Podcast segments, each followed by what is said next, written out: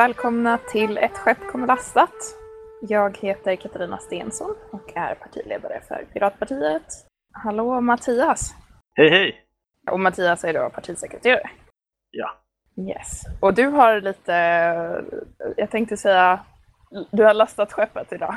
det är jag som har lastat skeppet. ja. ja, okej. Okay. Jo, men visst. Var vill du börja? Jag tänkte, för du berättar ju att du har suttit och läst igenom eh, European Green Deal. Ja, det stämmer. Så jag tänkte att du kan få, för jag vet inte alls vad som står där så jag tänkte att du kan få berätta det för mig och, och våra lyssnare. Ja, alltså det står ju rätt mycket så att vi kommer inte hinna med allting. Men eh, European Green Deal är ju i grunden ett förslag från EU-kommissionen. Och jag tror att deras, deras grundtankar, de har presenterat ett ganska stort paket för att hantera klimatproblemen. Sen är det lite bredare än så. Det kommer in lite biodiversitet och eh, klassisk så, luftföroreningar och så också. Men det är ganska tydligt att huvudfokus handlar om klimatförändringar. Eh, och de sätter upp målet då att EU ska vara klimatneutralt 2050 och i princip ha inga utsläpp överhuvudtaget av koldioxid. Mm -hmm. Alltså inga utsläpp alls, eller räknar man då att det ska vara, för du sa först att det ska vara koldioxidneutralt? Ja, okej. Okay. Eh, de säger net zero emissions. Ja, ah, okej. Okay. Mm. Så man måste väga upp på något sätt. Om man har utsläpp så ska det... Ja, men det stora fokuset ligger ju egentligen på att begränsa utsläppen. Och de har ju massa olika konkreta förslag i det här. Det är, liksom, det är allting från det ska ha pengar till forskning på eh, hur man kan göra gröna fraktskepp till liksom, en lag om att alla smartphones ska kunna laddas med vanliga laddare. Hej Apple! ja, Välkommen, det blir också en, konsument, det är också en konsumentfråga. Oh ja. Mm. Och det, det, dyker ju upp lite sådana olika bra konsumentgrejer. En sån är ju då att de har inkluderat right to repair. Eh, och då riktat framförallt mot smartphones och IT-produkter. Att det ska vara lagligt och lätt att eh, reparera och återanvända saker. Mm. Det är ju verkligen jättebra. Återigen, hej Apple. Ja, men det finns ju andra aktörer också där det inte oh ja är riktigt möjligt, eller i alla fall inte lätt. Men det där kan man ju önska ska gälla på flera saker än mobiltelefoner också. Ja, det gäller ju redan på många andra områden. Det är mer så att IT-området har eh, hållit ut och protesterat och använt andra lagar som upphovsrätten som skydd. Okej. Okay. Men nu, nu får vi se, det är ju inte säkert att, att det går igenom. Apple har ju gått ut och sagt att det här är ett existentiellt hot. Okej. Ja, det, det, det, är ju lite intressant, men de, de ser det ju som ett hot att människor skulle fortsätta använda sina iPhones istället för att slänga dem varje år. Ja. Men egentligen den största grejen i kommissionens förslag, tycker jag, är att de föreslår att man ska införa en climate law. Och den här klimatlagen ska då säga att medlemsländer får ett visst antal utsläppsrättigheter kan man säga per år. Och om man överskrider det så eh, utgår det straff alltså juridiska straff. Mm. Och den här klimatlagen då ska ha målsättningar som går 2030, 2040, 2050 då, och 2050 ska man i princip inte få släppa ut någonting. Okej. Okay. Hur räknar man, eh, kanske jag kommer på sidospår, men jag funderar på det här, hur räknar man utsläpp? Alltså, det har varit en diskussion kring att vi konsumerar ju mycket som produceras någon annanstans. Mm. Och räknas då de utsläppen på Sverige om vi köper in det eller räknas det på Kina om det produceras där?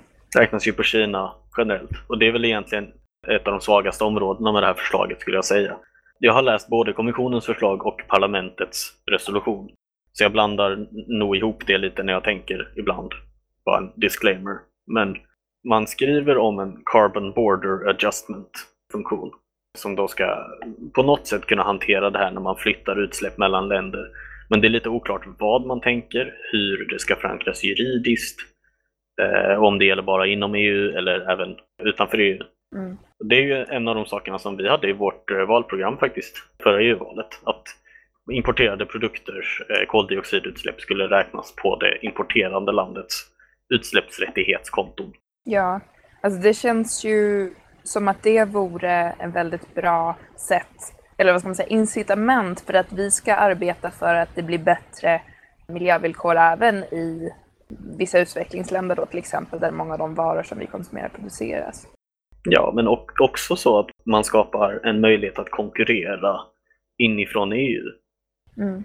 För om man måste skatta på utsläpp om man producerar i EU men inte om man producerar utanför EU så får man ju en konstig konkurrenssituation. Medan om det är jämförbara beskattningar så har man ju också som europeiskt företag en, en möjlighet att konkurrera på att vara eh, ett lågutsläppsföretag som ju då kan göra saker billigare. Just det. Mm. Ja, det är ju det är ett bra argument. Men det finns alltså inte med nu i det här? Inte så konkret i alla fall. Det är ju ofta så med sådana här dokument att man, man vet ju inte riktigt vad det betyder i verkligheten alltid.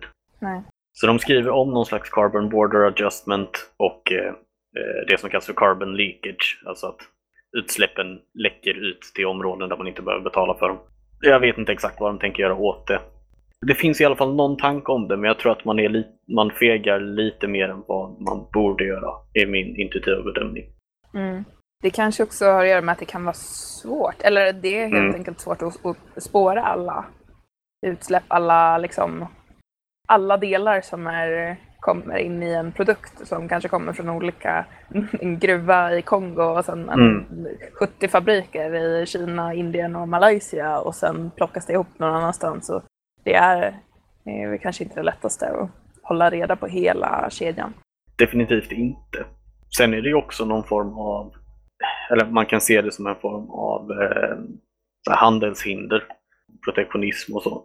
Om man sätter eh, någon form av tullavgift på importerade koldioxidutsläpp.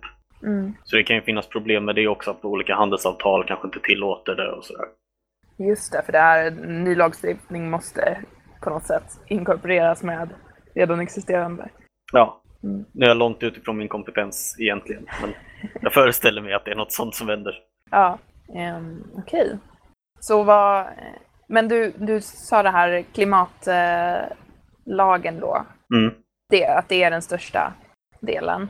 Vad eh, tror du om liksom rimligheten i, i det? Och, ja.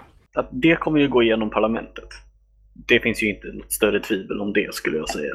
Det svåra kommer ju bli att få det genom ministerrådet. Mm.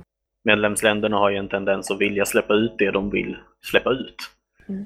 Och det är, ju, det, det är ju kommissionen medveten om. Man har ju lagt in lite sådana här, säger man, man försökt sweeten the deal lite för de områden som till exempel är beroende av kolgruvor och, och liknande, eller tung industri. Mm. Så man har det som man kallar för Just Transition Mechanism. Så att områden som till exempel har tung stålindustri som man måste lägga ner eller någonting, så kan man få eh, ersättning från kommissionen för omutbildningsprogram och liknande. Aha. Och sen så får vi väl se hur mycket, jag kan mycket väl se att det skrivs in i den här klimatlagen att eh, olika länder har olika starka eh, krav på sig lite sånt där, för att man ska få det igenom ministerrådet. Ja, att det finns en viss variation. Mm. Jag tänker att vi kanske har, du nämnde stålindustri, jag vet ju att i svensk stålindustri så pågår det ju jättemycket forskning kring att inte eh, att dra ner på energianvändningen eller att återanvända mm. mm värmen till exempel från, mm. från det, ähm, få in det i, i våra uppvärmnings... Man kan, att man kan använda eh, restprodukterna och att man eh, försöker att minska på det fossila bränslet. Men vi har ju också tur, alltså många av våra stålverk ligger ju uppe i Norrland i Sverige där vi har en massa vattenkraft och mm. det är ju renare än... Det är inte alla länder som har de fördelarna. Nej, och det är faktiskt en intressant del av, nu kommer jag inte ihåg om det var kommissionen eller parlamentet som föreslog det, men eh, att man ville avsätta en stor mängd pengar till en renoveringsvåg. Så att medlemsstater då skulle kunna ansöka om en klump pengar för att till exempel renovera skolor och sjukhus och liknande för just energieffektivitet. Mm. För där finns ju så, väldigt mycket lågt hängande frukt i typ isolering, sådana här dubbla fönster och massa annat i den eh, kategorin. Ja, det är ju bra. Det är även och också att man ser till att använda sig av de eh, om man nu ligger lite före till exempel i Sverige med att, att uh, göra stålverken mer energieffektiva så bör man ju jobb, arbeta för att kunskapen och de metoderna som man använder ska kunna föras vidare och användas i Polen också eller vad det nu kan vara. Ja, och det är ju en sak som saknas eh, ur ett piratperspektiv i det här förslaget. Man mm. skriver mm. mycket om så här, ja, men vikten av eh, science-based strategy och så här, collaborative science och så vidare. Men sånt här som patent ja. nämner man ju inte. Inte ens så att man föreslår, föreslår olika såna här tvångslicensieringsvarianter eller så. För det, ja, det kan ju vara en väldig eh, vad kan man säga, broms mot eh, spridning av, mm. av ny teknologi. Det är så mycket annat man är beredd att, vad ska man säga, offra eller kostnader mm. man är beredd att lägga för att eh, hindra klimatet. Och det är ju bra på sitt sätt men att eh, man inte kan se att patenten, äh, patentsystemet är ett, ett hot eller en begränsning, det är lite tråkigt. Ja, verkligen. Ska vi lämna Green Deal? Det kan vi göra. Så får vi följa lite hur det kommer. Du kan, vet du förresten eh, när det här ska liksom röstas om och sånt där? Jag tror att det var ganska snart. Nu i mars. Det här spelas in den 14 mars. Eh, för transparensens skull. Jag tror att det var någon gång nu i mars. Mm. Okej, så som det ska röstas i parlamentet eller rådet? Ja, eller båda? första liksom, strategi. Men sen så, de har ju, i den så ingår det ju att de ska lägga massa lagförslag och ändra i massa lagar och det blir separata omröstningar framöver. Okej, okej, så det, det är så stort att det blir utspritt liksom?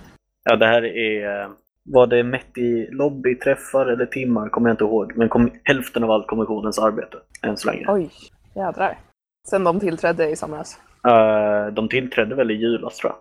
Ja, det var så sent? Egentligen. De har någon slags övergångsperiod. Ja. Så Men det, ja, det, det är en stor, stor grej. grej. Smurf. ja.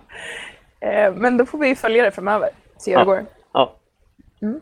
ja, det andra vi hade på agendan för dagen mm. var det här med datalagring. Har vi mm. pratat om förut. Men nu faktiskt så att det, de har ju haft en typ av datalagringslag i USA som kallas Freedom Act om jag minns rätt. Ja, precis. Intressant namn. Väldigt eh, mycket dubbeltänk. Ja. Men den här har nu eh, varit aktiv i typ fem år och utvärderats. Ja, precis. Alltså den tillkom ju efter Snowden-avslöjandena för att ersätta den tidigare lagen som jag inte kommer ihåg vad den hette.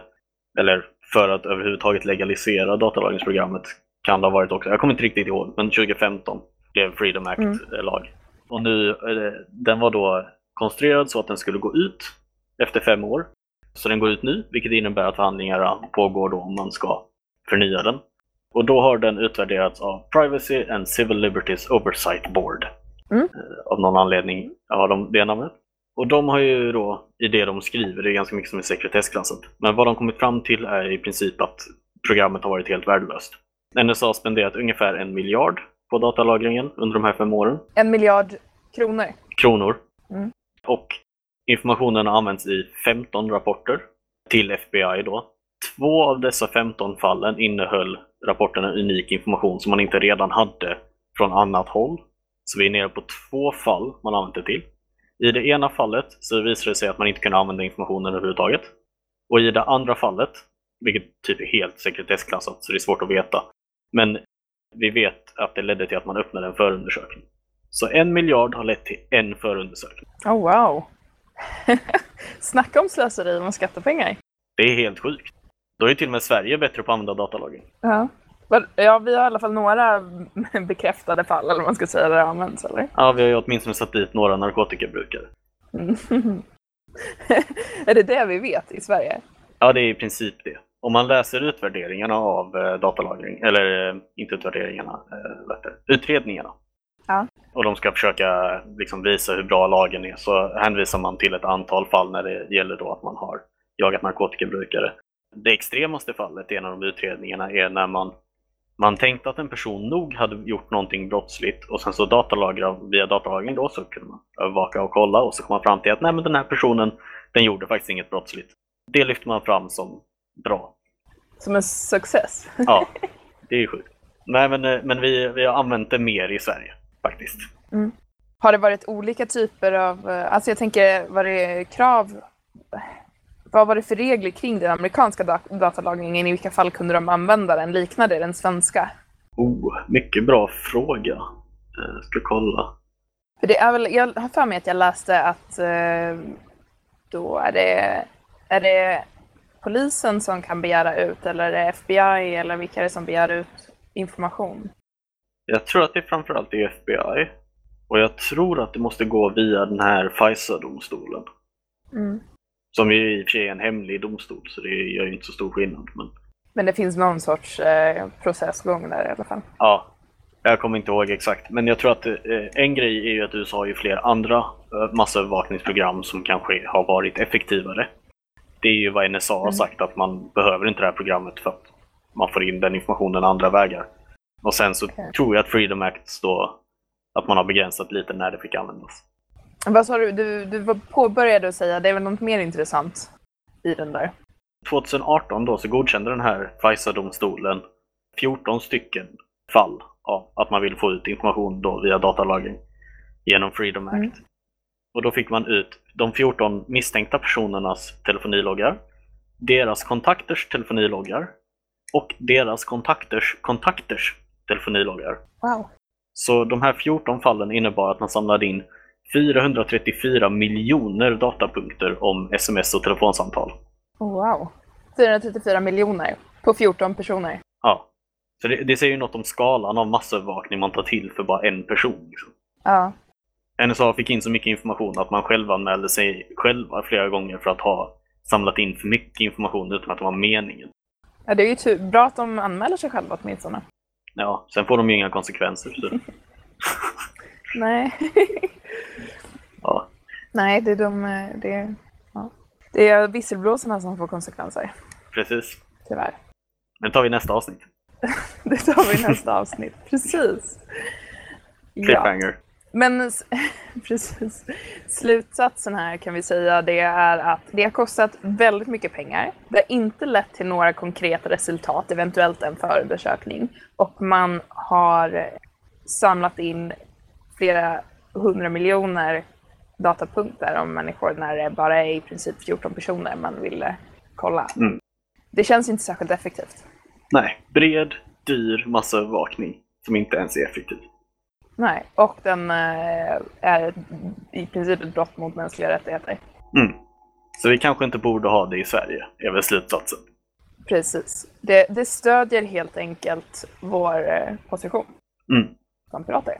Vi kanske kan avsluta där då. Ja, Bra avslutning tycker jag. mycket bra. Tack för idag och kul eh, att ni lyssnade. Vi hörs nästa vecka. Hej, hej! Hej!